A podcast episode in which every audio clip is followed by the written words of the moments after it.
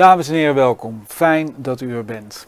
U kijkt naar mij, Peter Six, beleggerstrainer bij Saxo en auteur van onder andere Beleggen voor Dummies. Maar ik ben hier niet alleen, want we gaan vooruitkijken en met wie kan dat beter dan met Nico Inberg. Op geheel eigen wijze, Nico, ga jij dat doen. Altijd. Ja. Mooi dat je er bent. Bedankt voor de uitnodiging. Erg Ja. fijn om hier te zijn. Vond Graag. het gezellig. Ja, nou, hartstikke goed. Ik was laatst bij jullie te gast Ja. en nu ben jij weer Ja, bij zo, ons zo, te eh, zo gast. schuiven we de bal wat naar elkaar toe. Ja, nee, hartstikke goed. Fijn dat je er bent en we gaan, eh, we gaan straks vooruitkijken. Wat zijn de onderwerpen? Intro en disclaimer. De macro-economische blik. Hoge rente gaan we het over hebben. De voorraadafbouw, achterblijvers en fallen angels. Dat zijn de dingen die we gaan bespreken.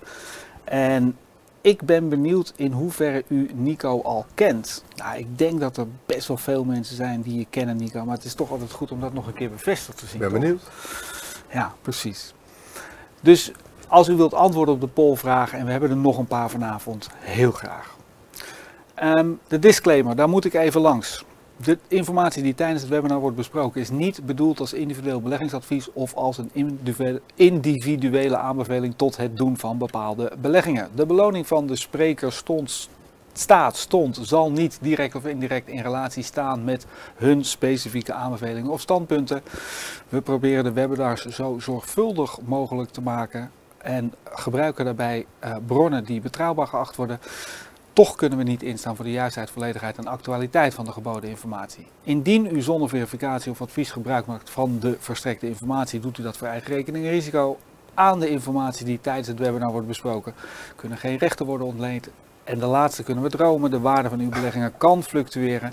En die zal fluctueren. In het verleden behaalde resultaten bieden helaas geen garantie voor de toekomst. Zo, dat hebben we gehad. Hele mond vol. Het is een hele mond vol. Ehm, back to normal. Zo heb je het, zo heb je het genoemd, Nico, Ja. deze presentatie. Waar, wa- wa- waarom deze titel? Nou, ik, ik kwam hier eigenlijk op. eh, Ik was hier in januari ook. Hè. Toen hebben Ja. we een vooruitblik voor dit jaar eigenlijk. En toen was de titel Back to Life. Ja. Eh, we kwamen uit corona. Iedereen ging weer leven. Je ziet dat heel duidelijk ook in de markt. Dat, dat, dat eh, wat je nu ziet, dat men eh, ja, het geld van de consument verschuift eigenlijk van, van eh, geld uitgeven aan goederen. Wat we in corona deden. Spullen kopen. Naar de bouwmarkt, maar ook heel veel spullen kopen. Mensen hielden geld over. Naar eh, echt gaan leven. Dus op vakantie, restaurantbezoek. Ja. Leuke dingen doen. Iedereen gaat er weer op uit. Dus we gaan weer leven.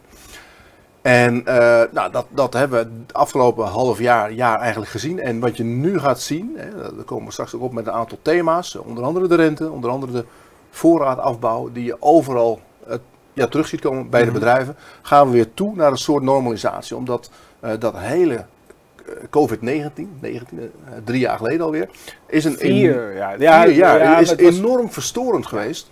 Voor niet alleen ons, ons persoonlijke leven, maar ook voor de economie, voor het bedrijfsleven. En we zijn eigenlijk op zoek naar een, een nieuw normaal, of een oud normaal misschien.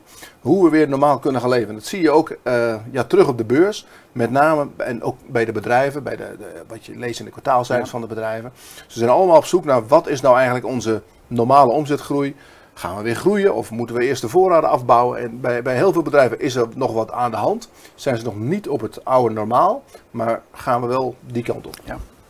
Even kijken hoe, eh, hoeveel mensen jou nou kennen. Daar ben ik wel Ik benieuwd. neem aan iedereen. Ja, dat, dat, dat, dat hoop ik ook. Hè. Van, ik volg Nico Inberg, puntje, puntje, puntje. Nico, sorry, 14% zegt altijd. Oh, dat is goed. Maar dat is toch 1 op de 7. Hè? Ja. Ehm, regelmatig zegt een kwart. Oh, Soms ja. zegt een kwart.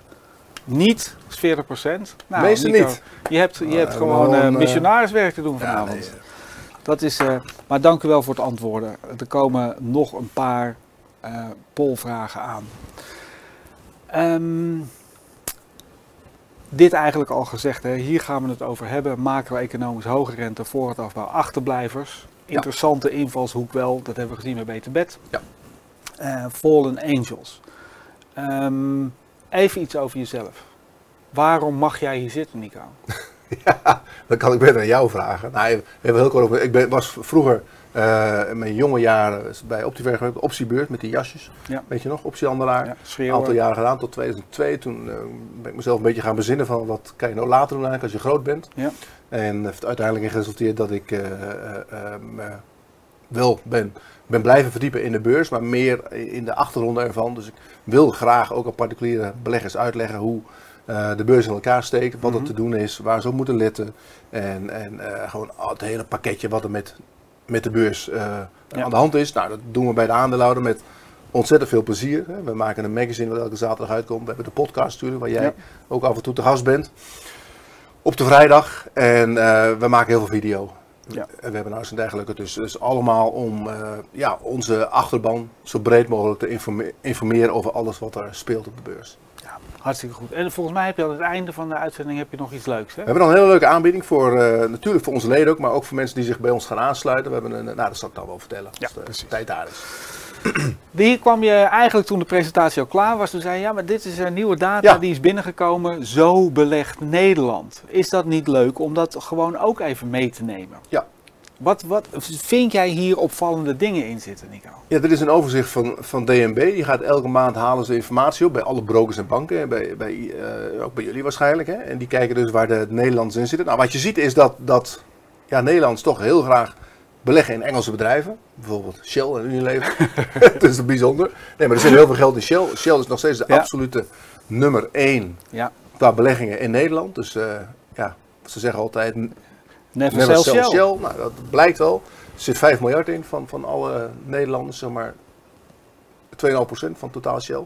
Ja. Wat, ik, wat ik er eh, interessant aan vond, ik heb ook even uitgerekend, dus de, het bedrag wat erin zit in geld, eh, heb ik vergeleken met de market cap van die bedrijven. Dus dan, Ja. dan, dan zie je bijvoorbeeld bedrijf als ja, voor Farmers, hè, dat is de absolute, absolute topper. Daar zit 80% van de aandelen zit bij, bij Nederlandse beleggers. Nou, dat is Ja. in dat geval logisch, de boeren hebben die aandelen vaak. Ehm, dus je kan hier ook zien, je kan hier uithalen hoeveel, eh, ook, dat is ook voor die, die bedrijven zelf van belang, waar zitten hun beleggers? Ja. Dan zie je bij, bij welk bedrijf heel veel beleggers in Nederland zitten. Nou ja, ik kon natuurlijk niet achterblijven. Ja. En toen heb ik gezegd van, nou, wat zien we nou eigenlijk bij de eh Saxo-beleggers? Het lijstje is eigenlijk identiek. Hè? Als we naar die top 5 kijken, dat zijn dezelfde namen. Ja. Wat, wat ik net iets anders heb gedaan in de, in de selectie, is dat ETF's mochten wel. En op plek 6 zien we de eerste ETF, Oh ja. de MSCI World ETF. Hè? Die volgt de wereldindex. En Dus dat is de populairste ETF bij jullie, Ja. deze. Ja, Ja. oké.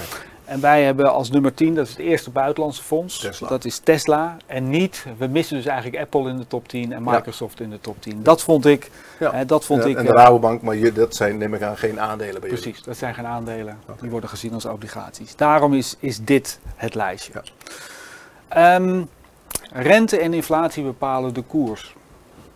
Ja, het is natuurlijk het hele jaar gaat eigenlijk alleen maar over één ding, over de rente en inflatie. Eigenlijk al twee jaar. Hè. Ja. In coronatijd ging de rente omlaag. Ja. heeft ervoor gezorgd dat die beurs enorm werd opgejaagd. Want lage rente, nou, vooral de technologieaandelen, die hebben daarvan geprofiteerd. Nou, toen kwam de ommekeer, we kregen inflatie. Centrale banken moesten als de donder de rente omhoog gooien. Waardoor men heel anders tegen met name technologiewaarde aan ging kijken, maar ook tegen de beurs. Want ja, je kan nu v- 5% krijgen bij de Amerikaanse overheid. 5,5% zelf, dus waarom nog in aandelen? En eh, ja, die rente loopt achter de inflatie aan. En hier zie je de Amerikaanse inflatie van de afgelopen, nou wat is het, afgelopen jaar. En dan zie je wel dat het heel goed afkomt. Ja. Dus eh, we, we kwamen van, wat staat dat? Ik kan het niet goed lezen, 8, Ja. nog wat. Ja. Nou, nu 3 afgelopen maand. En eh, de meest recente maand 3,2% Dus het loopt weer iets op. Ja. En, en eh, het schijnt zelfs nu nog weer wat meer Nou op te ja, lopen. De, de, de, de, de Fed van eh, de- Kansas, zeg ik even uit mijn hoofd, Ja. die had gezegd van ik verwacht eigenlijk een inflatieprint eh, voor augustus die gewoon weer duidelijk hoger Ja. ligt, richting de 3,8. Ja. En er is er ook een appje, Trueflation, en die volgt de Amerikaanse Mhm. eh, inflatie van dag tot dag tot dag.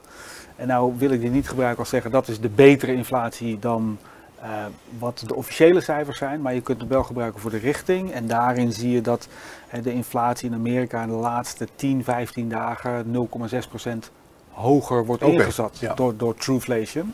Ja. Dus misschien dat we toch nog wel een uptickje zien bij het volgende inflatiecijfer. En Misschien wat hoger dan verwacht. Het zou heel goed kunnen. Het is wel interessant om te zien wat er dan in Europa gebeurt. Omdat wij natuurlijk zaten, nu exact een jaar geleden, met die enorm hoge energieprijzen. Ja. Je weet dan die gasprijs van, van wat was het, 350 euro. Ja. En ook een hele hoge olieprijs. En dat is, eh, ja, die gasprijs ligt nu rond de 35 geloof ik. Ja. Is nog 10% van de prijs toen. Dus de- in Europa zal het een, een, een eh, misschien minder heftig zijn dan in Amerika. Maar het- dat het weer oploopt, is, eh, we zijn er nog niet vanaf. Nee, Nou ja, en we hebben natuurlijk vrijdag, uh, spreekt Powell bij Ja. eh, Jackson, Jackson Hole. Dat is toch wel belangrijk. En ik denk dat, dat iedereen kijkt, hè, wat gaat hij daar zeggen over Ja. de rentestappen die de Fed van Ja. plan is te gaan nemen. Het is ook een beetje dat, daar komen ook de buitenlanders vaak. Hè? Het is, tenminste, de Lagarde heeft het volgens mij vorig jaar overgeslagen. Maar in principe gaan daar, komen daar ook de buitenlandse Ja. centrale banken bij. Dus er wordt ook een beetje overlegd van hey, hoe gaat het bij jullie? Eh, hoe gaat Ja. het bij jullie? Ja. En, eh, dus Nee, het, is belangrijk, het is een belangrijke beetje meeting. gezamenlijk is- standpunt uitkomt. Dat ze dat van elkaar kunnen leren. Ehm, eigenlijk is dit jouw take, hè, dat je zegt Ja. van nou ja, dat die rente, we willen hem misschien allemaal wel weer naar beneden, maar ja, dat is misschien wel wishful thinking. Ja. Het is eigenlijk ook wel de, de, de, de Saxo-Stretch-visie dat die rente gewoon, hè, omdat waarschijnlijk die inflatie toch wat hoger blijft dan dat we hopen en willen en verwachten, dat je daardoor ook wat langer een wat hogere rente zult houden.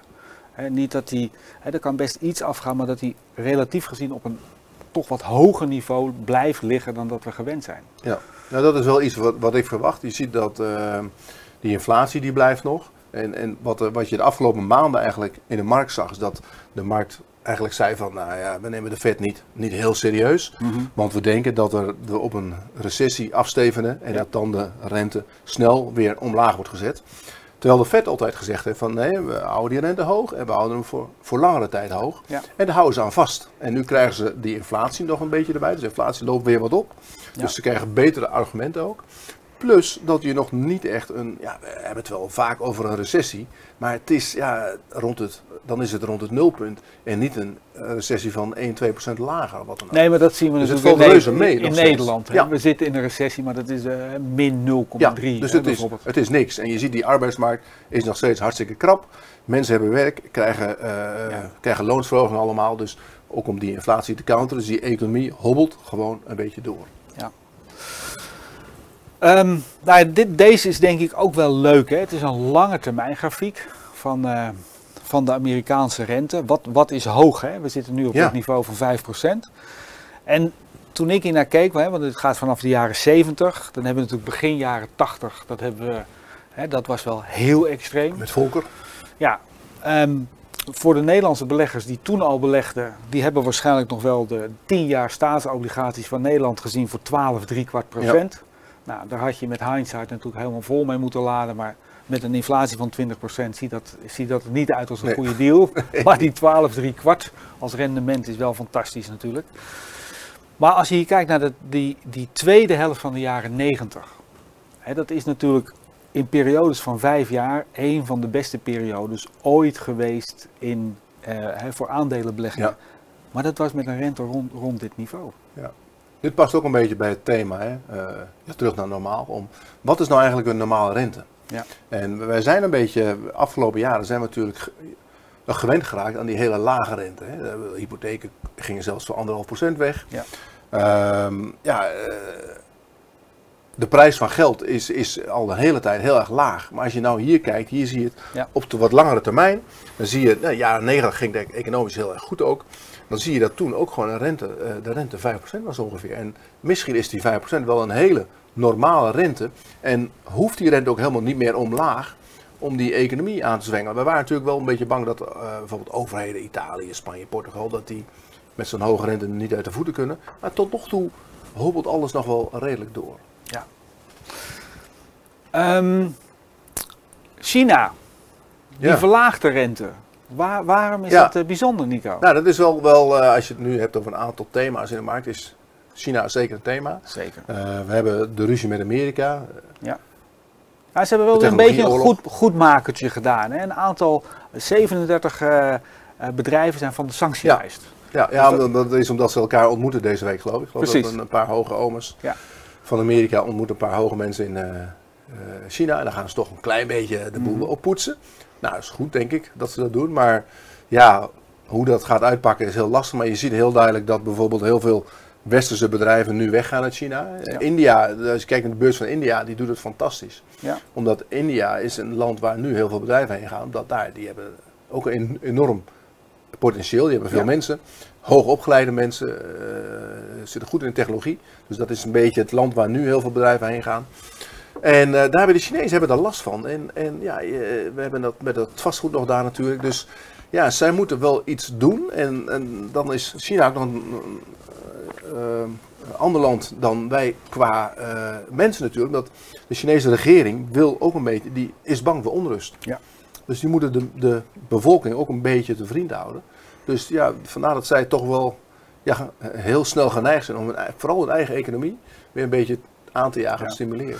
Maar in hun laatste renteverlaging, dat was vorige week, hè, dat was de 1 en 5-jaarsrente. En er was alleen de 1-jaarsrente die ging 10 basispunten naar beneden. En eigenlijk had de markt op zowel de 1 als de 5-jaarsrente ja. 15 basispunten verwacht. Hè. Dus ze, ze, zijn wel voorzichtig. Precies. En, en uh, misschien omdat ze dan het nog een keer kunnen doen, dat ze een beetje geleidelijk mm. Kijk, zij weten natuurlijk ook niet wat exact het effect gaat zijn van zo'n mm. renteverlaging.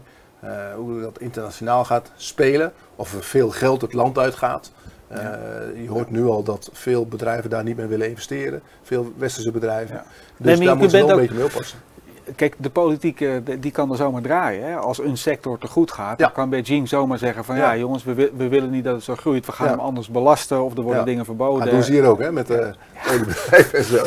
Ja. Nee, maar ik vind China echt heel lastig. Als het gaat om, is ook een lastig verhaal. Je, je zou het beste met een ETF wat, wat kunnen gaan doen daar als je dat wil. Ik moet wel zeggen dat, wij kijken bijvoorbeeld naar de, de kwartaalcijfers van de technologiebedrijven. De Alibaba, Tencent, Baidu deze week. Uh, is allemaal heel goed is wel allemaal heel goed. En ze zijn, ze zijn wel goedkoop, die bedrijven.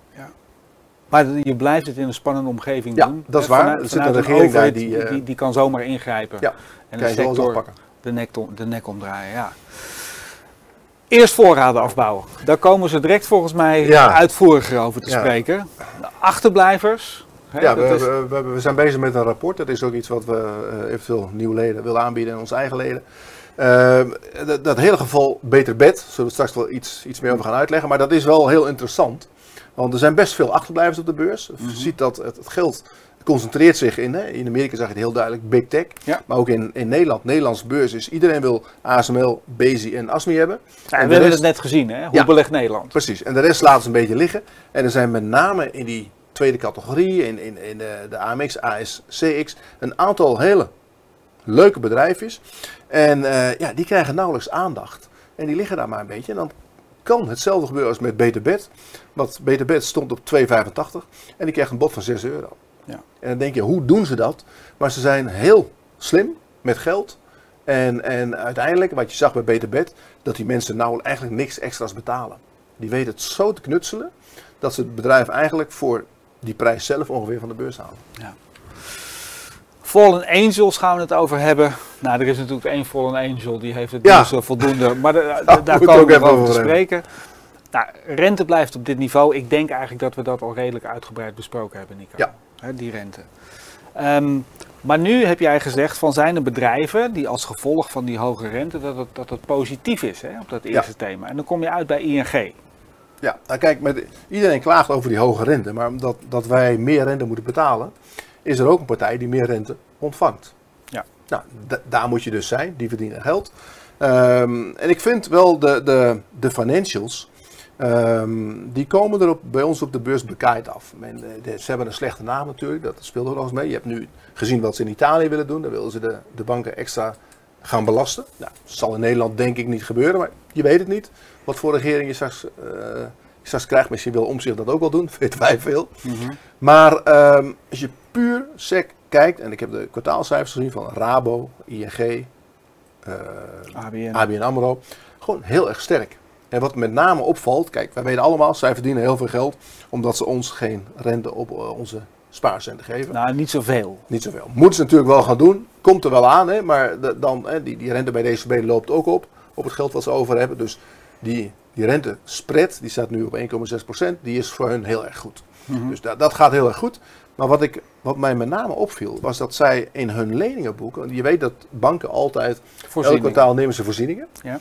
En uh, bij ABN hebben ze zelfs voorzieningen teruggedraaid. Dus die zijn zo overtuigd van de kracht van hun leningenboek, dat ze, uh, ze hebben gezegd, we hebben, we hebben te veel geld opzij gezet, we halen weer een deel terug.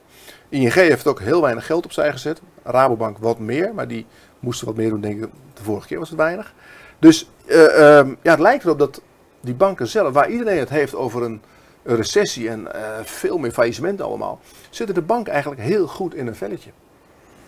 Ja, maar En eigenlijk krijgt is toch een dat mooi de- dividend, 6, 7 procent. ja, de impliciete boodschap van de bank, als je kijkt naar de voorzieningen, zou je zeggen van, hoezo recessie? Dat is eigenlijk wat ze zeggen. Maar goed, eh, het kan zijn dat ze al te veel opzij hebben gezet. Hè? Dat, dat zou ook kunnen, dat ze nu iets. Maar ze, ze hebben daar wel bepaalde, bepaalde regels voor. Dus ze doen niet meer zo wat. Is niet dat ze denken van nou. Ja, ja, ja. Bijvoorbeeld, ik, ik kan me ook voorstellen dat ABN zegt: we hebben afschuwelijk veel geld verdiend dit kwartaal. Dit moet eigenlijk niet zo opvallen, want anders beginnen mensen te mouwen over de rente. We doen wat meer in de, in, in de voorzieningen. Maar dat, daar hebben ze wel regels voor, dus dat kan niet zomaar. Ja.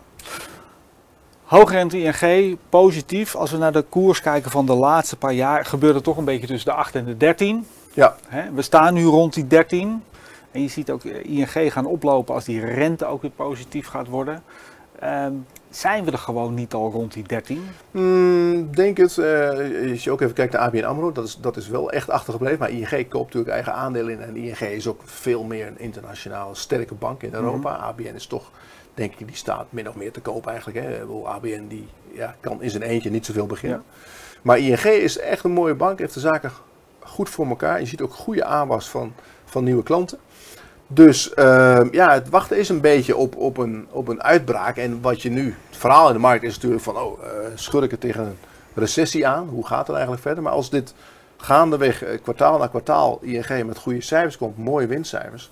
Ja, dan gaat dat er wel uit en dan eh zul je het wel een keer zien gebeuren, denk ik. Oké, nou geloof ik jouw verhaal en dan zeg ik, ik wil, ik wil eigenlijk wel hè, mee profiteren van die stijging van het aandeel. Hoe, hoe, hoe zou je dat doen? Zou je dat met opties doen? Zou je dat met aandelen doen? Kijk, want ze geven natuurlijk ook een mooi dividendrendement, Ja. daar houden mensen van. Ja, ik denk dat je met opties nu wel een klein... Kijk, de markt is op dit moment heel rustig. Ja. Dat betekent opties die zijn goedkoop. Ja. Maar het betekent ook dat de kans, opties zijn zo goedkoop omdat men denkt dat er niks gebeurt. En Ja. eh, ge- laten we eerlijk zijn, er gebeurt ook niks op de beurs. Hè? Eh, tenminste, wel wat links en rechts, maar in principe is de beurs heel erg rustig. Dus om met calls eh, ING te lijf te gaan, lijkt mij op dit moment niet zo verstandig. Ik zou liever dan de aandelen kopen en juist proberen een wat langere call te geven erop.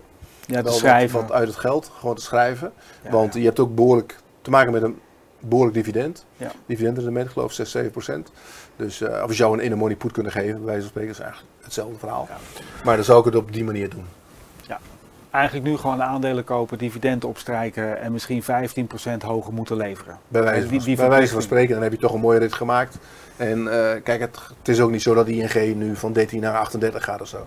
Dat gaat niet gebeuren. Ja. Maar eh, ja, Oké. Hoge rente, Adyen. Maar is een hoge rente sowieso goed voor Adyen? Of niet? ja, heel erg goed. Oké, Ja. dat ga je zo direct uitleggen, Ja. hoe dat zit. Dat is een beetje, een beetje verborgen. Dat is de volgende slide. Dit is natuurlijk dit is een hoofdpijndossier voor Ja. menig Zo'n particulier. grafiek, dat zie eigenlijk nooit. Nee, het, het is, ik heb erover nagedacht. Heb ik dit eerder gezien in deze tijd? In de, op Nee. Nederlands aandeel. Ik heb het niet over internationaal, maar Nederlands aandeel. Ik kan het me niet herinneren. Nee. Ahold in... eh, Ja, maar dat was 2003? boekhoudfraude. Ja. Hè, toen openden we 68% lager. Van 8,65 naar 3,85 zeg ik eh, Ja. zo ongeveer. Maar dit is zo extreem. En wat ik ook bijzonder vond is dat hij in de dag gewoon doorging, die daling. Geen rebound in de dag.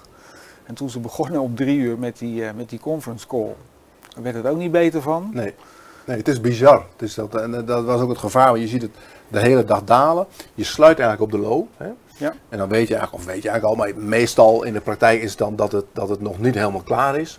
Dat er de volgende dag nog een eh, tikje overheen komt. Dat, dat gebeurde ook. Nou, dan, je weet nooit precies waar de bodem ligt. Het is heel erg onrustig. Je ziet dat met Ja. name rond half vier begint het weer een beetje, eh, ligt weer onder druk. Dus het komt uit Amerika, eh, eh, de verkoopdruk. En eh, ja, dat, dan heb je ermee te maken. En dan moeten nu moeten we wachten op. We wachten eigenlijk op, op uitleg van Adyen zelf. Die, die hebben helemaal niet gereageerd op die koersdaling. Precies. Terwijl eh, wij lezen heel veel Amerikaanse research ook. En dan, dan zie je heel duidelijk dat iedereen, ook alle analisten, hè, er zijn maar En of zit een beetje met het handen in het haar. Ja, maar die, die, die, die eh, hebben zoiets van, eh, ja, er kan dit gebeuren en er kan dat gebeuren. Maar dit is er allemaal aan de hand. En het verhaal is eigenlijk veranderd. Adyen was, was het mooiste meisje van de klas, zou ik maar zeggen. Iedereen liep er achteraan. Niemand kon er krijgen. En nu, dat kwam ook naar voren in die kwartaalcijfers, want de, de omzet die viel ietsje tegen. 21% van in plaats van 25, 26%. Nou, dat denk ik, wat, hebben we het over? Eh, en de winstmarge kwam veel lager omdat ze heel veel Mhm. mensen aannemen. Mhm. Maar het achterliggende verhaal was dat zij in Amerika heel veel moeite hebben om daar marktaandeel te winnen. Omdat de, de, de concurrenten in Amerika Ja. schijnen heel agressief te zijn met hun pricing. En dan heb je het over Stripe, dan heb je het over JP Morgan, die eh, heel groot is in Amerika, Ja. en, en over PayPal. Ja. En daar schijnen zij last van te hebben. En het idee was eerst van Adyen heeft zo'n goede propositie voor die merchants, voor die verkopers allemaal op internet, dat ze niet overstappen. Maar de, de, en, en ja, dat is denk ik eh, hetgeen veranderd is. Dat, dat nu het idee is dat een, een, eh, dat betalingsproces in Amerika althans gewoon een commodity is. En dat die merchants, die verkopers op internet, toch redelijk makkelijk overstappen van Pietje naar Jantje of Klaasje. Als die 1 honderdste of 1 duizendste goedkoper is. Want het gaat om enorme aantallen. Oké, dat is, en dan staat daar wel een hele bijzondere Ja, weet, afkorting. weet jij wat dat betekent? Je bent Ik- Amsterdammer toch? Nee, ik ben geen Amsterdam- Amsterdammer. Ehm, maar ik heb, ik, heb, ik heb er gewoon op gegoogeld. Oh. Ja? Ik Ja, heb ja, deze letters gewoon in de zoekbalk gezet. En ehm, eh, ik heb het gevonden wat het is. ja. Oh, Oké. En er staat, wij zijn Ajax, wij zijn de beste. Ja, dat betekent eigenlijk wij zijn Adyen, wij zijn de beste. Precies, dat was Ik heb beetje... hier, wij hebben het op kantoor veel. Albert is Ajax en ik ben natuurlijk voor een andere club, uh, Rotje Knor. En wij hebben het vaak over dit soort dingen. En, en eh, nou, dit, dit zeggen ze vaak bij Ajax. Hè. Je weet ook nog bij Ajax destijds, toen ze kampioen werden in 2014, dacht ze een 1 op een das hadden gedaan. Maar Adyen heeft een, heeft een houding. En ik vind, het, ik vind het gezond arrogant hoor. Ik vind het niet heel erg. Maar ze hebben een houding van: eh, dit is ons lange termijnplan. We denken te kunnen groeien tussen de 25 en 33 procent op termijn. Eh, onze winstmarge ligt straks, als alles klaar is, als al mensen hebben aangenomen, rond de 65 procent of hoger. Ongelooflijk. En dit is ons plan. En eh, ja, je kan ons volgen of niet. En als je het niet wil, dan ga je maar lekker ergens anders in beleggen. Maakt ons niet uit. Dit is ons plan. En, en Ja. eh, nou, dat verhaal was het verhaal van Adyen. Alleen, nu begint men te twijfelen aan het verhaal. En wat je nu eigenlijk zou willen zien, is dat het management van Adyen naar voren stapt en zegt van jongens, eh, dit is nog steeds ons plan. Ja. Of dat ze zeggen, ja, we hebben het in Amerika ontzettend lastig. We stellen ons plan een beetje bij. Maar je, je, nee, want ze hebben natuurlijk ook een ho- eh, hè, andere bedrijven die doen kwartaal kwartaal. Zij doen per half jaar. Ja. En daarbij hebben, hebben ze ook geen hele strakke eh, hebben geen doelen neergezet. Nee, ze hebben geen outlook op korte termijn. Dus ze hebben ook, maar je zou zeggen van, joh, zo'n bedrijf moet een omzetwaarschuwing geven, of een winstwaarschuwing. Ja. Hebben ze niet gedaan, maar dat hoeven ze ook niet, omdat zij geen, überhaupt geen outlook geven. Ja. Dus, en, en nu weer, hè, want ehm, ja, de eerstvolgende keer dat ze iets van zich laten horen, is in februari bij de jaarcijfers. Ja, dat duurt nog een half jaar. Ja. Dus de, de ja, analisten, en je zag ook van de vorige eh analistenadviezen, die waren vaak van maart of april. Ja. Van, van naar de Ja. jaarcijfers. En Mhm. dan, dus dus eh, je krijgt eigenlijk ook heel weinig informatie uit die markt. Maar eigenlijk zeg je, het verhaal beter uitleggen, dat is nog steeds wel nodig. Om, Zij moeten bij ons in de podcast komen en dan gaan, kunnen ze vertellen hoe het ervoor in stil zit. zit. Nee, maar dat, het, je wilt zien dat het management, kijk bijvoorbeeld een Tesla heeft Elon Musk.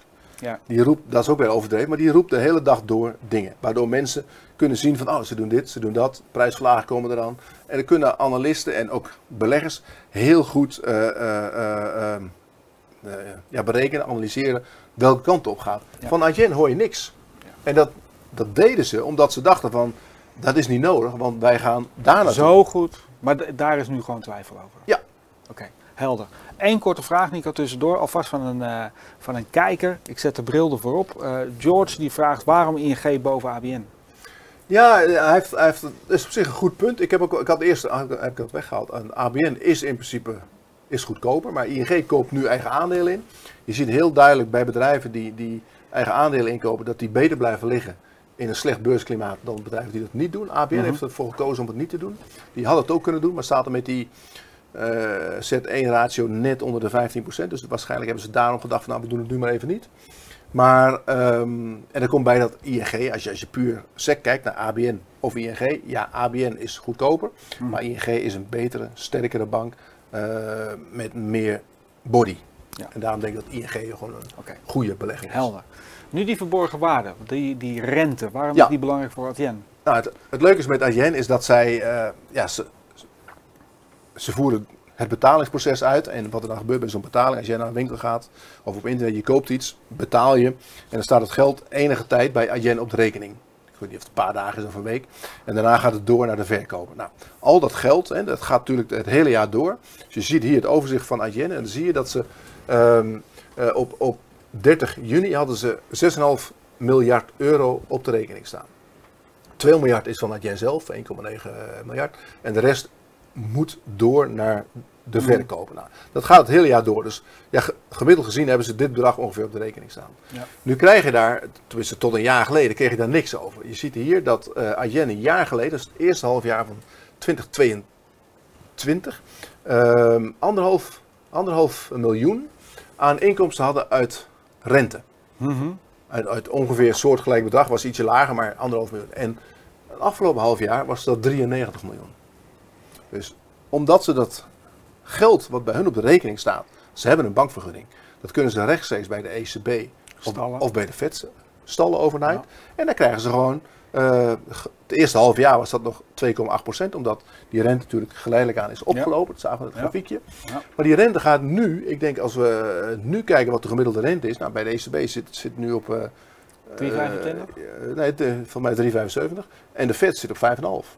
Dus Ja, dat is vijf en een kwart, vijf en ja, een 5 en een kwart, 5,5. Dus ja, gemiddeld gezien is dat al 4%. En dat loopt waarschijnlijk nog iets op, ook nog. Ik denk dat de ECB nog Ja. komt. Dus, Ja. En als je dat doorrekent, dan, eh, ja, dan kom je op een bedrag voor, voor, eh, voor dit jaar van, van 250 miljoen aan renteinkomsten. Pure winst. Ja. En als je dan ook nog eens meeneemt dat zij elk jaar denken te groeien met 25%, hè, waar nu wel wat aan wordt getwijfeld, maar elke drie jaar 25% is verdubbelen Ja. In, in eh, drie jaar. Dus dan ga je naar 500 miljoen. Nou, reken maar uit, 31 miljoen aandelen eh, staan eruit. Voor dit jaar is het al 8 euro per aandeel. Dus er zit een enorme verborgen eh, katalysator in als die rente zo hoog blijft. Ja, dit is, dit, is, dit is een hele technische, Ja. maar het klopt natuurlijk wel. En in die zin profiteren ze van die... Maar dit, dit is een beetje, een beetje side effect. Hè? Dus het gaat natuurlijk om de business zelf. En zoals je net ook al voor mij stond er net bij, Albert en ik gaan nog een uitgebreide videoanalyse maken. Waarin we echt alles willen, willen eh, meenemen. Maar dit is wel een leuk extraatje. En je ziet ook nu dat het eigenlijk, eh, eh, ja, de winst van Adyen is het afgelopen half jaar hetzelfde gebleven. Terwijl de, de, de marges een stuk lager waren. En dat komt door die renteinkomsten. Deze is natuurlijk eigenlijk, het is geen aandeel. Het is volgens mij niet echt jouw cup of tea, hè? de obligatiehoek. Nee. Maar die rentes, met name in Amerika, die worden zo interessant. Je kan Ja. het bijna niet laten liggen. Het is in Amerika, maar ook in Duitsland, als je, als je geen valutarisico wil. Heel veel mensen zijn toch wel op zoek naar, naar een, een, eh, of een andere bank hè, waar ze meer rente krijgen. Maar de praktijk is in de praktijk is gebleken dat mensen moeilijk overstappen van eh, ING naar ABN of van de ABN naar de Rabo of Triodos, weet ik het. Dus dat doen mensen niet. Dat is ook gedoe. Eh, en dan voor een paar tienden extra, want je krijgt het overal wel. Ze lopen wel wat achter elkaar aan. Maar je kan eh, op de beurs eh, heel goed in de weer gaan met die staatsobligaties en bepaalde financiële instrumenten. Nou, jullie hebben ze ook op het platform staan, neem ik aan. Ja, nee, de, de- het, alle Amerikaanse obligaties hebben wij op het platform Ja. staan. En als je in het, het, het, zoekvond, het zoekvenstertje United States aan elkaar intypt, dan krijg je, ik zeg uit mijn hoofd, 380 Amerikaanse Ja, ja. staatsobligaties, van kortlopend tot langlopend. Ja. En dan zie je zo die rentes, die zie je zo helemaal oplopen en daarna lopen ze weer wat af. Ja.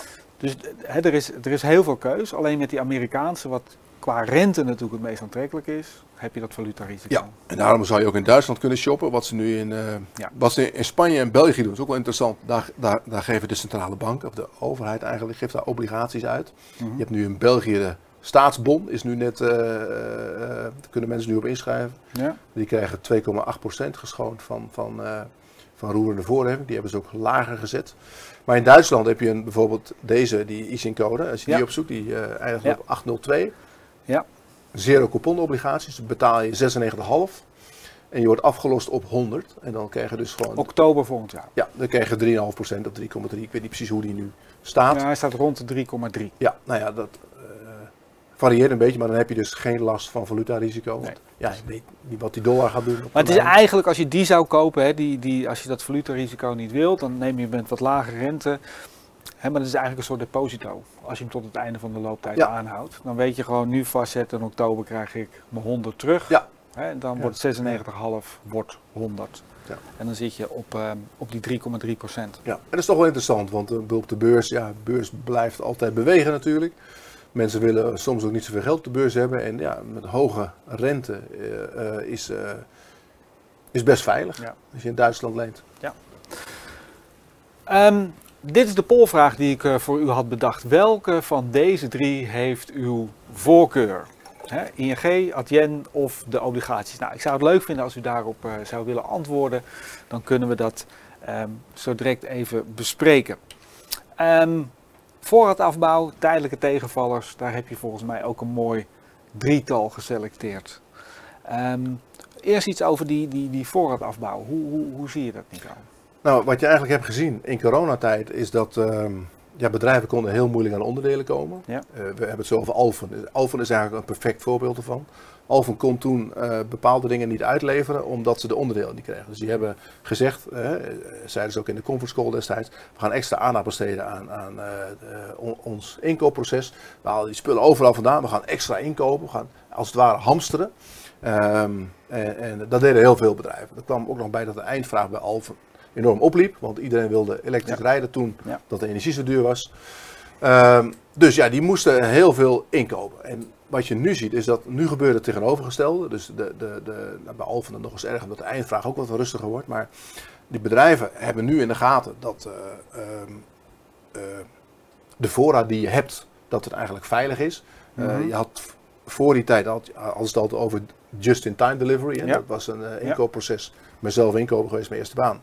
Moest je zorgen dat de, de spullen zo laat mogelijk Ja, kwamen. precies. Dan hoef je zo laat mogelijk Rente, ruimte, risico. zo laat mogelijk, precies. Nou, jij kent het. Ja. En eh, dat, dat ging helemaal van de baan in corona, want eh, Ja. ja. je moest gewoon, eh, eh, er gold maar één ding. Dat was leveringszekerheid. En nu draait het weer om. Dus nu willen al die bedrijven, Back to normal. die willen back to normal, die willen die voorraden afbouwen. En eh, dat zie je dus overal terug. Je komt bij bijna alle bedrijven tegen. DSM heeft het erover, eh Alphen heeft het erover. Eh, de chemie heel erg, DSM bijvoorbeeld, met, de- met de vitamines liggen onder druk, die prijzen. Dus overal worden de voorraden afgebouwd en dat betekent dat er even minder vraag is. En de vraag is natuurlijk, eh, als dat is afgelopen, wat gebeurt er dan? Eh, want men denkt nu, eh, een van mijn, mijn kritiekpunten op analisten vaak, is dat zij ehm, de huidige cijfers extrapoleren naar Ja. de toekomst. Maar je hebt natuurlijk een, een, een hele rare periode achter de rug. Ja. In coronatijd, waar, waar iedereen alles maar kocht. Ja. En men spullen wilde kopen en alles wilde hebben. En bedrijven niet konden voldoen aan de vraag. Naar nu een terugslag dat eh, er veel minder wordt gekocht. Ja. En bedrijven met de voorraad blijven zitten, voorraad moeten afschrijven. Dus nu willen die stokken. En eh, als dat gebeurd is, gaat de vraag weer aantrekken. Want het leven gaat wel door. Ik ben wel benieuwd naar wat, eh, wat over Ja, de ook. eerste, wat daaruit komt. Ehm, welke van deze drie heeft de voorkeur? Het ging over ING, Adyen en Bonds. Eh, nou, echt een duidelijke winnaar, dat is ING, Ja. 60%. Dan Adyen met eh 29% en de Bonds met 11%. Nou, we hebben dus met echte aandelenbeleggers te maken. Dank voor het meedoen. Ehm, Oké. Ehm, AMG, voorraadafbouwer. Ja, hier zie je het heel duidelijk, AMG. ehm, en er wordt ook heftig op gereageerd op de beurs. Hè, want dat, dat, dat, dat biedt natuurlijk ook kansen. AMG die dacht dat ze in een zetel zaten, omdat de vraag naar lithium enorm opliep. Eh, je weet het, het zit in de batterij voor Ja. elektrische auto's. Nou, Ja. batterijen komen overal in. De hele wereld wordt elektrisch. Alles Ja. wat eh, elektrisch kan, gaan we elektrisch maken. Ehm, en opeens was het over met die lithiumprijzen. Je zag die lithiumprijzen in China al dalen, maar AMG had eigenlijk nog weinig gezegd. En toen kwamen ze met de cijfers. Aandeel liep op naar 50 euro. En, en dat was een beetje omdat zij zeiden van ja, op termijn gaan we toe naar, naar een EBITDA van 650 miljoen. Ze zaten nu rond de 400. En eh, toen kwam opeens het bericht van hun van ja, het gaat nu toch even wat minder. En onze, onze vo- voorspelling voor de korte termijn van 400 miljoen, die werd omlaag bijgesteld naar nu, ik geloof 350, 380. Dus zeg maar 10%. ja, minder. 10% lager. En op zich nog niet heel erg, maar wel een kink in de kabel. En je ziet wat er dan gebeurt met zo'n aandelenkoers. Ja. Dat mensen daar toch totaal niet op rekenen. En, Ja. en het gewoon compleet laten vallen. Nou ja, Soms als je dan even kijkt, 30 hè, euro. b- je gaat van 48 naar, naar 32 Ja, en dan gaat dus gewoon 16 af. gaat eraf. Er gaat een derde af. Maar het vervelende van als er een derde afgaat, dan moet er weer 50% Ja. bij. En pas dan staan we weer dus op er is wel stijgingspotentieel. Zou kunnen Ja, dus, eh, dat, dat kan je zeggen. Die lithiumprijs, ik moet zeggen, die lithiumprijzen zijn nog lang niet terug bij af. Heeft ook te maken met China natuurlijk. Mhm. waar de, de ja, grondstoffen liggen ook onder druk. En ehm, eh, met de elektrische auto gaat het wat langzamer. Hè? Je hoort Ja. nu zelfs al verhalen van, ja, een benzineauto is goedkoper dan een elektrische auto om te rijden. Nou, ze willen nu ook elektrische auto's in Nederland gaan belasten. Naar gewicht. Nou, dan heb je een dikke batterij erbij. Dus betaal Ja, je dat, meer dat plan dat ligt er een- natuurlijk dan een al. hè. benzineauto. Maar dat is alleen in Nederland. Maar goed, dus eh, de- de- er zit wat vertraging in die eindmarkt. Maar men wil uiteindelijk toe naar een, een volledig eh, elektrificatie van het wagenpark. En dat zal er gebeuren, denk ik. Dus die, die vraag die komt er wel. AMG gaat ook nieuwe eh, inkomsten opzoeken. Er komen fabrieken bij in Brazilië en Duitsland. Dus eh, ze, ze komen daar echt wel op, die 650 miljoen. Alleen, het is even een tijdelijke setback. Maar eh, ja, voor de rest gewoon een gezond winstgevend bedrijf. Met denk ik een hele mooie toekomst. Alleen, het, het gaat heel even een halfjaartje wat minder. Deze heb je eigenlijk al gezegd. Hè? En ook als je naar deze grafiek kijkt. Dit is gewoon een glijbaan. Hè? Dit is eh, 100 plus stonden we. Ja. We staan nu, eh, wat is het? Ja, 52 vandaag geloof ik, 52. Ja, Het opende 10% lager vandaag, was echt wel weer. Ze kwamen vandaag met Ja, de precies. halfjaarscijfers en die Precies. vielen eh, niet qua omzet, want we verwachten wel, maar qua winst viel dat tegen. Je ziet hier ook een, eh, ja, best een ingewikkeld verhaal, maar we hebben het op onze site allemaal uitgebreid beschreven. Maar wat je ziet is dat, dat de laadpalen die zij maken, dat groeide in coronatijd met 200 Ja. 200 een jaar geleden. En nu gaat het min 36% Dus eh, als je dat optelt bij elkaar is het nog steeds een verdubbeling van, eh, ten opzichte van 2021. Maar goed, de schrik is enorm natuurlijk van eh, wat is er met die laadpaal aan de hand. Ja. En zij hebben heel erg te maken met voorraadafbouw. Ze hebben wel het geluk dat de twee andere divisies die ze hebben, eh, batterijen, opslag en, en die grids, die smart grids, die gro- groeien nu heel erg hard. Dus daar gaat ook veel geld in de voorraden zitten weer. Maar dat gaat nu heel erg goed, waardoor de mix in zijn totaliteit anders wordt. En daarvoor hebben ze ook gewaarschuwd, want de, de, de winstmarge lag wat onder druk. Omdat eh, eh, die laadpalen, daar zit de grootste marge op. En Mhm. dat wordt nu, die laadpalen was eigenlijk het, het, grootste deel van hun bedrijf.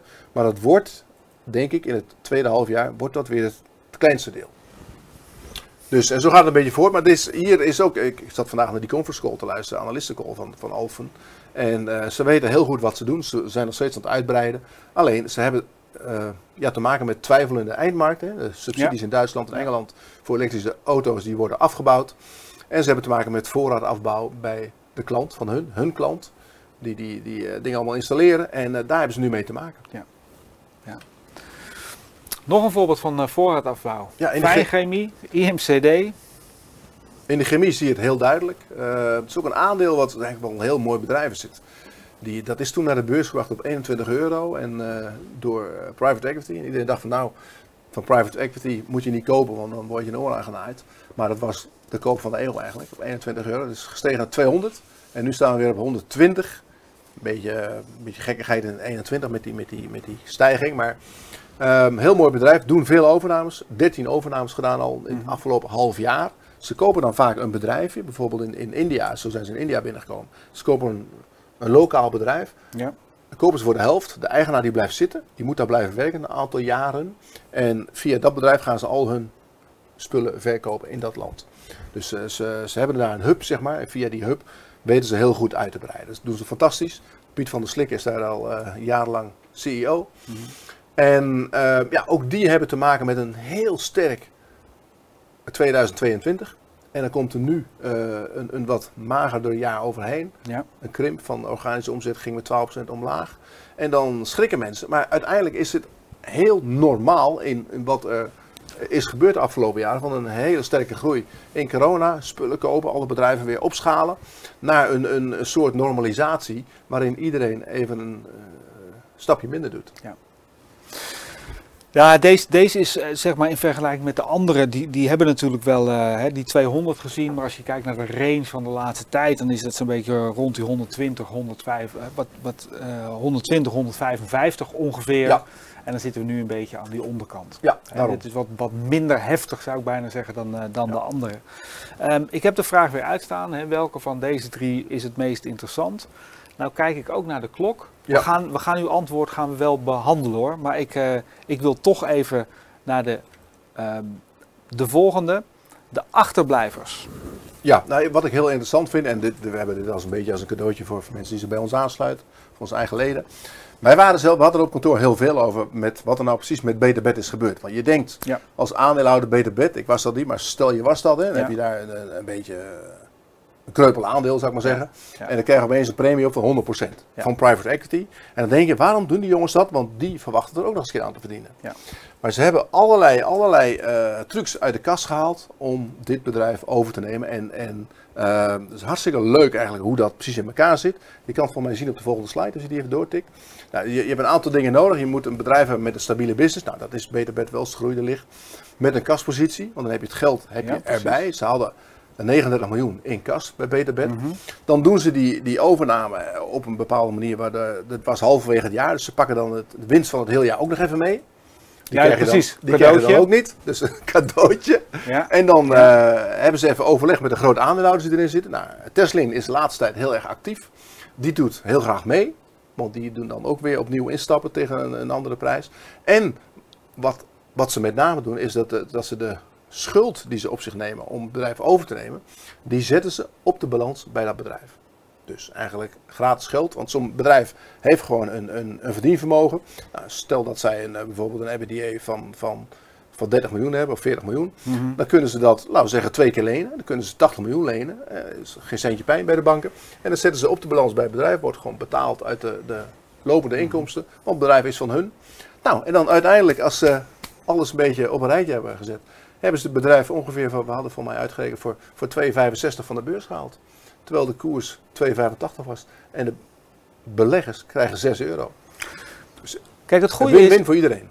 Het goede is gewoon, als, als, als dit niet gebeurt, dan staat Beter Bed waarschijnlijk de komende twee, drie jaar had gewoon rond die 3 euro Ja. geschommeld. Dus voor beleggers is het ook fantastisch. Je kan denken, ik word hier in, eh, in het ootje genomen. Ja. Maar je krijgt gewoon 100% premie. En Ja. er zijn nog een aantal van dit soort bedrijven op de beurs. We hebben er nu drie of misschien nog een vierde zelfs geïdentificeerd. Daar maken we een mooi rapportje van. En eh, Ja. daar zou dit ook kunnen gebeuren. Even kijken naar de uitkomst van eh, de drie. Hè? Was het AMG, Alpha of, eh, of IMCD? Wat, is, wat denk je, Nico? Ik denk toch AMG. Klopt. Ja. 56% zegt eh, AMG van die drie, als ik zou moeten kiezen.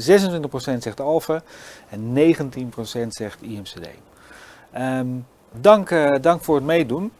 En wij gaan hier weer verder. Fallen Angels. Ja, ehm, Belgisch bedrijf, Montea. Ja. Ehm, is niet zo bekend in Nederland, maar de- je weet, België is het land van, eh, van het vastgoed en de biotech. Ja. Nou, eh, er zijn heel veel vastgoedaandelen en, en waarom is het een Fallen Angel? De koers is gehalveerd, er stond eh 135, 140 euro. Ja. Nu staan we rond de 70. Ja. En er is eigenlijk niks veranderd, alleen de rente is een stuk hoger gegaan. Ja. Nu hebben deze mensen die hebben de, de rentebetalingen voor, voor langere tijd vaststaan. Ze hebben 100% bezetting. Ze, ze maken van die dozen. Ja. Zij zijn eigenlijk verantwoordelijk voor de verdozing van Nederland, België, Frankrijk Al wat zo mooi is als je langs die snelweg gaat. Ja. Ja, bijvoorbeeld ze zijn nu bezig met, met een eh, nieuw logistiek centrum voor, voor Lekkerland. Je hebt het Ja. bij de, die komen geloof ik in, in Waddinxveen wordt dat gebouwd. Nou, Mhm. dat is zo'n, zo'n heel, dat, daar staat de maquette. Ehm zonnepanelen op het dak. Dus eh, ja, voorziet zichzelf van energie. En eh, dat hebben we nodig omdat we met z'n allen alleen maar online dingen gaan kopen. En dat moet ergens worden eh, opgeslagen en uitgegeven. Doen ze heel erg goed. Winst per aandeel dit jaar eh 4,60 zelfs, omdat ze een ja, meevalletje hadden van 20 cent. Voor volgend jaar 4,5 euro. Ehm, op een koers van 70 euro. Dividendrendement 5,1 Is helemaal niks mis mee, zou Olaf zeggen. En hoe, hoe zouden zij in problemen komen als, zij, als de rente langer hoog blijft? Zodat ze over drie, vijf jaar duurder moeten financieren? Ja, wat ze moeten doen is natuurlijk die, die rente moeten ze, die, die, dat gaat op termijn gaat dat dus omhoog. Hè? De rentebetalingen die ze doen. Maar wat mensen heel vaak vergeten is dat die, die rentebetalingen is maar een deel van hun inkomsten. Ze hebben, ze hebben een loan to value van 40%. En aan de inkomstenkant eh, heb je heb te maken met inflatie, met indexering. En deze bedrijven die kunnen ook elk jaar de huurinkomsten met hetzelfde percentage verhogen. Ja. Dus als jij zeg maar Ja. voor 100 aan inkomsten hebt en je hebt voor 40 aan rente, Ja, precies. Dan, mag, dan heb je een grote spread al. dan heb je een grotere spread.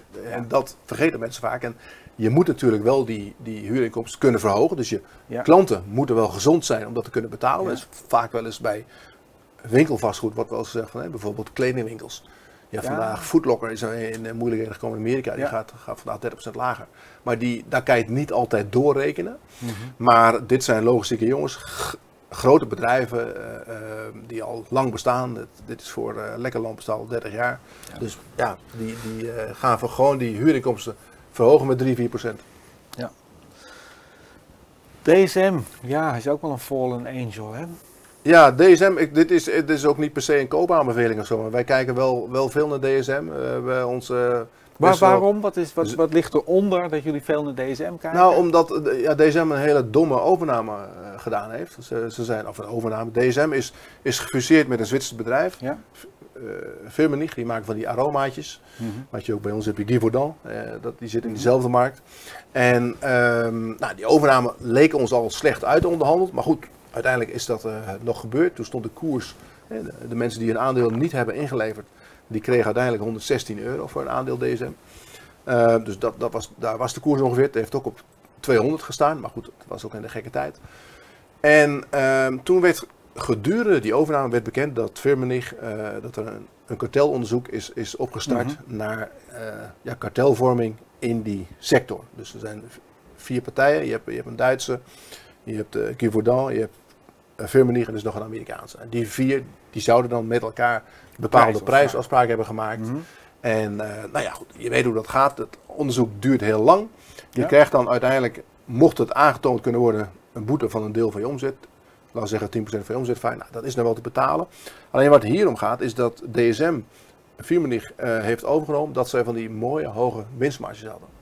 En als nou blijkt Ja. uit het onderzoek Ja. dat er inderdaad sprake was van kartelvorming, betekent dat die winstmarges kunstmatig te hoog waren. Ja. En dat ze dus een, een kat in de zak hebben gekocht. Ja. Dus dat is een beetje het verhaal. En ondertussen is die koers al eh, ja, zo ver gedaald dat ze hebben ook hier ook weer eh, te maken met voorraadafbouw bij de vitamines. De, de, die, die vitamineprijzen liggen enorm onder druk. Mhm. Nou, dat duurt een aantal maanden voordat dat is weggewerkt, die voorraad. Nou, dat gaat nu wel langzaam de goede kant op, maar ze zeggen zelf dat het wordt waarschijnlijk pas begin volgend jaar. Maar goed, dan gaat het wel weer beter. En wan- wanneer komt er wat zicht op dat, eh, dat, dat onderzoek naar kartelvorming? Ja, daar kan je nog heel lang op wachten. Ja. Het kan wel, Ja, dat kan wel twee jaar duren. Een, een van de uitspraken van jouw hè, con- eh, collega is natuurlijk hè, never buy into a lawsuit. Nee, dat klopt. Maar je ziet, En- je ziet maar toch dit met, is eigenlijk dit is pas later aan het licht gekomen. Ja. Je ziet met Exxon en Philips dat het af en toe wel gebeurt. Hè? Dat Ja. mensen denken, van, het is nu zo goedkoop. Ja. Dat ik stap toch in. Exxon heeft gewoon Philips gekocht op Ja. 18, 19 euro. En dit, ik zou me... Kijk, uiteindelijk is DSM is wel een mooi bedrijf. Is een, een bedrijf met, met goede... eh, ja, dat zit goed in elkaar. Eh, ja, veel innovatie. Als je kijkt naar Firmenich, die aroma's, is ook een mooie markt. Want het komt overal in terug. Eh, er zijn niet al te veel aanbieders. Je kan er ook niet meer zo mee beginnen. Dus goede, stevige marktpositie. Dus ergens ligt wel een bodem. Maar waar dat is, ja, daar zullen we naar op zoek moeten. En, en als die hele beurs bijvoorbeeld gaat corrigeren, ja, dan gaat zo'n bedrijf ook mee. Ja. Omdat hier toch wel een, eh, een, Ja, geurtje, ja, een ja. geurtje aan zit. Hè? Ja. Letterlijk en figuurlijk. ja. Oké, als laatste Basic Fit heeft best een hele bijzondere eh, koersbeweging laten zien hè, de, de laatste tijd. Maar hoe, hoe, hoe verklaar jij dit? Ja, moeilijk. Ik denk, eh, ik herinner me nog goed de kwartaalcijfers van Basic Fit. Was best bijzonder. Het stond er rond, de- stond er rond de 35 euro. En ging de koers ging 10, eh, 10% omhoog. Omdat zij, zij kwamen met, eh, met goed nieuws. In die zin dat ze zeiden van de, de energiekosten gaan fors omlaag. Ze hadden dat Ja. opnieuw uitonderhandeld. En in 2024, 2025 zouden ze de, de energiekosten per eh, vestiging zou omlaag gaan van, van, van 55.000 naar 35.000. Nou, als je het omrekent, scheelt 24 miljoen op jaarbasis voor het hele bedrijf. Hoop geld. Ehm, toen kwam de dag daarna, ging het bedrijf opeens hard omlaag. Omdat toen keek men heel erg naar de aanwas in het tweede kwartaal van, van nieuwe leden. En die was bijna nul. Er kwam heel weinig nieuwe leden bij. Nou, eh, hebben ze ook uitgelegd. Als je, vaak moet je even luisteren naar de conference call, analyst call, dan wordt het uitgelegd. En dan zeiden ze van ja, we hebben een jaar geleden hebben we eh, heel veel acties gehad. En hebben we heel veel, heel veel eh, nieuwe leden erbij gekregen. Met een abonnement van een jaar. Met een abonnement van een jaar. En die zijn met korting ingestapt. En dat is een groep die dan ook vaak weer uitstapt als het, eh, eh, de korting weg is.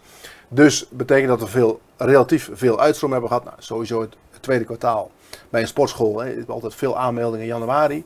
Mensen met Goede voornemen. goede voornemens. Maar ja, in april ben je die, ik ben het in februari al vergeten, maar in april zeker. Dus ja, dan is het wat minder allemaal. En ehm, ja, dat, dat, dat, dat, dat, dat eh, zie je terug in die koers. Nou, dit is het verhaal een beetje. We hebben het ook al vaak over gehad met Albert bijvoorbeeld. Ze, van, nou, ze zouden eigenlijk een emissie moeten doen om heel snel te kunnen doorgroeien. Ze zijn nu begonnen in Duitsland. Daar hebben ze nu geloof ik een stuk of 10, 11 uh, zalen. En Duitsland, je ziet de Duitsers wel wat, wat, wat steviger gemiddeld dan wij. Dus de, de penetratie van de sportschool is dan erg laag. Die ligt daar rond de 12 13% van mensen gaan naar een sportschool. Terwijl bij ons is dat 18%. Ja. En dus daar is een wereld te winnen. Is ook niet echt een hele grote concurrent. Geloof ik één partij met 100, 100 zaken. Voor de rest zijn het allemaal lokale kleintjes. Dus zij kunnen daar als een beest keer gaan. Ja. Heel snel groeien. Maar dan moeten ze wel geld hebben. En dat geld hebben ze wel, alleen niet in hele ruime mate. Dus je zou zeggen, helemaal toen die koers rond de 35 stond, doe een flitsemissie, haal gewoon 10% nieuwe aandelen op. En ga aan de slag in Duitsland. Dat hebben ze niet gedaan. Ze hebben ervoor gekozen om het dan wat rustiger aan te doen. En uh, ja, nu zag die koers weg. Nu gaan ze niet meer doen waarschijnlijk. Maar het is wel een bedrijf met een, met een uitstekend management. René Moos, oud, oud tennisser. En ik ben als een keer geweest. Ze hadden een heel groot boek op tafel liggen. Waarin precies stond hoe zo'n sportschool eruit moest nee, zien. dat weten ze van tevoren. Tot zij, de... zij, zij, dat, dat, hebben ze gewoon een plan ja. liggen en het is boom. Fantastisch om te zien. Zij weten ook precies wat, wat de omzet gaat maken na zes maanden na opening. Ja. Is, dus, dus dat doen ze heel erg goed. Alleen je zou willen dat ze, ze meer geld hebben om dat uh, versneld te kunnen uitrollen. Omdat daar een hele markt ligt voor in Duitsland voor het oprapen. Hey, en eh, zijn er ook cijfers, want zo goed zit ik niet in Basic Fit, maar cijfers van uh, zeg maar klanten die gewoon klant zijn en klant blijven. Ik kan me voorstellen dat de populatie verandert. Hè? Er zijn mensen die zitten zeker zo. Hè, maar, maar, is dat 50-50 ongeveer? Dat je 50% harde kern en 50% een soort, soort doorloop hebt? Uh, ja, Moos heeft mij wel verteld dat hij zei van, uh, hij was heel eerlijk in. Hij zei tegen mij, ja, een sportschool is eigenlijk helemaal niet leuk om heen te gaan. En daar ben ik van harte met hem eens. Maar hij zei dat, uh, ik geloof van gemiddeld gezien, dat iemand ongeveer 2 tot 2,5 jaar lid bleef. En dan gingen ze weer wat anders doen. Dus er zijn natuurlijk veel mensen die, die worden een beetje dik en zeggen, nou, ik ga nu naar de sportschool. En een dan, periode. Na een tijdje ben je weer zat. Ja. Dus zo gaat het. Het is niet echt, ja, niet ja. echt leuk eigenlijk om te doen. Dus uh, ze zullen iedere keer, dat, dat doen ze ook wel heel erg goed, proberen ze de, de mensen die, die lid zijn, proberen ze zo lang mogelijk bij zich te houden door uh, ja. acties op te starten ja. of leuke dingen te verzinnen of in klasjes, weet je wel, dat mensen het toch gezellig vinden. En uh, de, op die manier een beetje. Ja.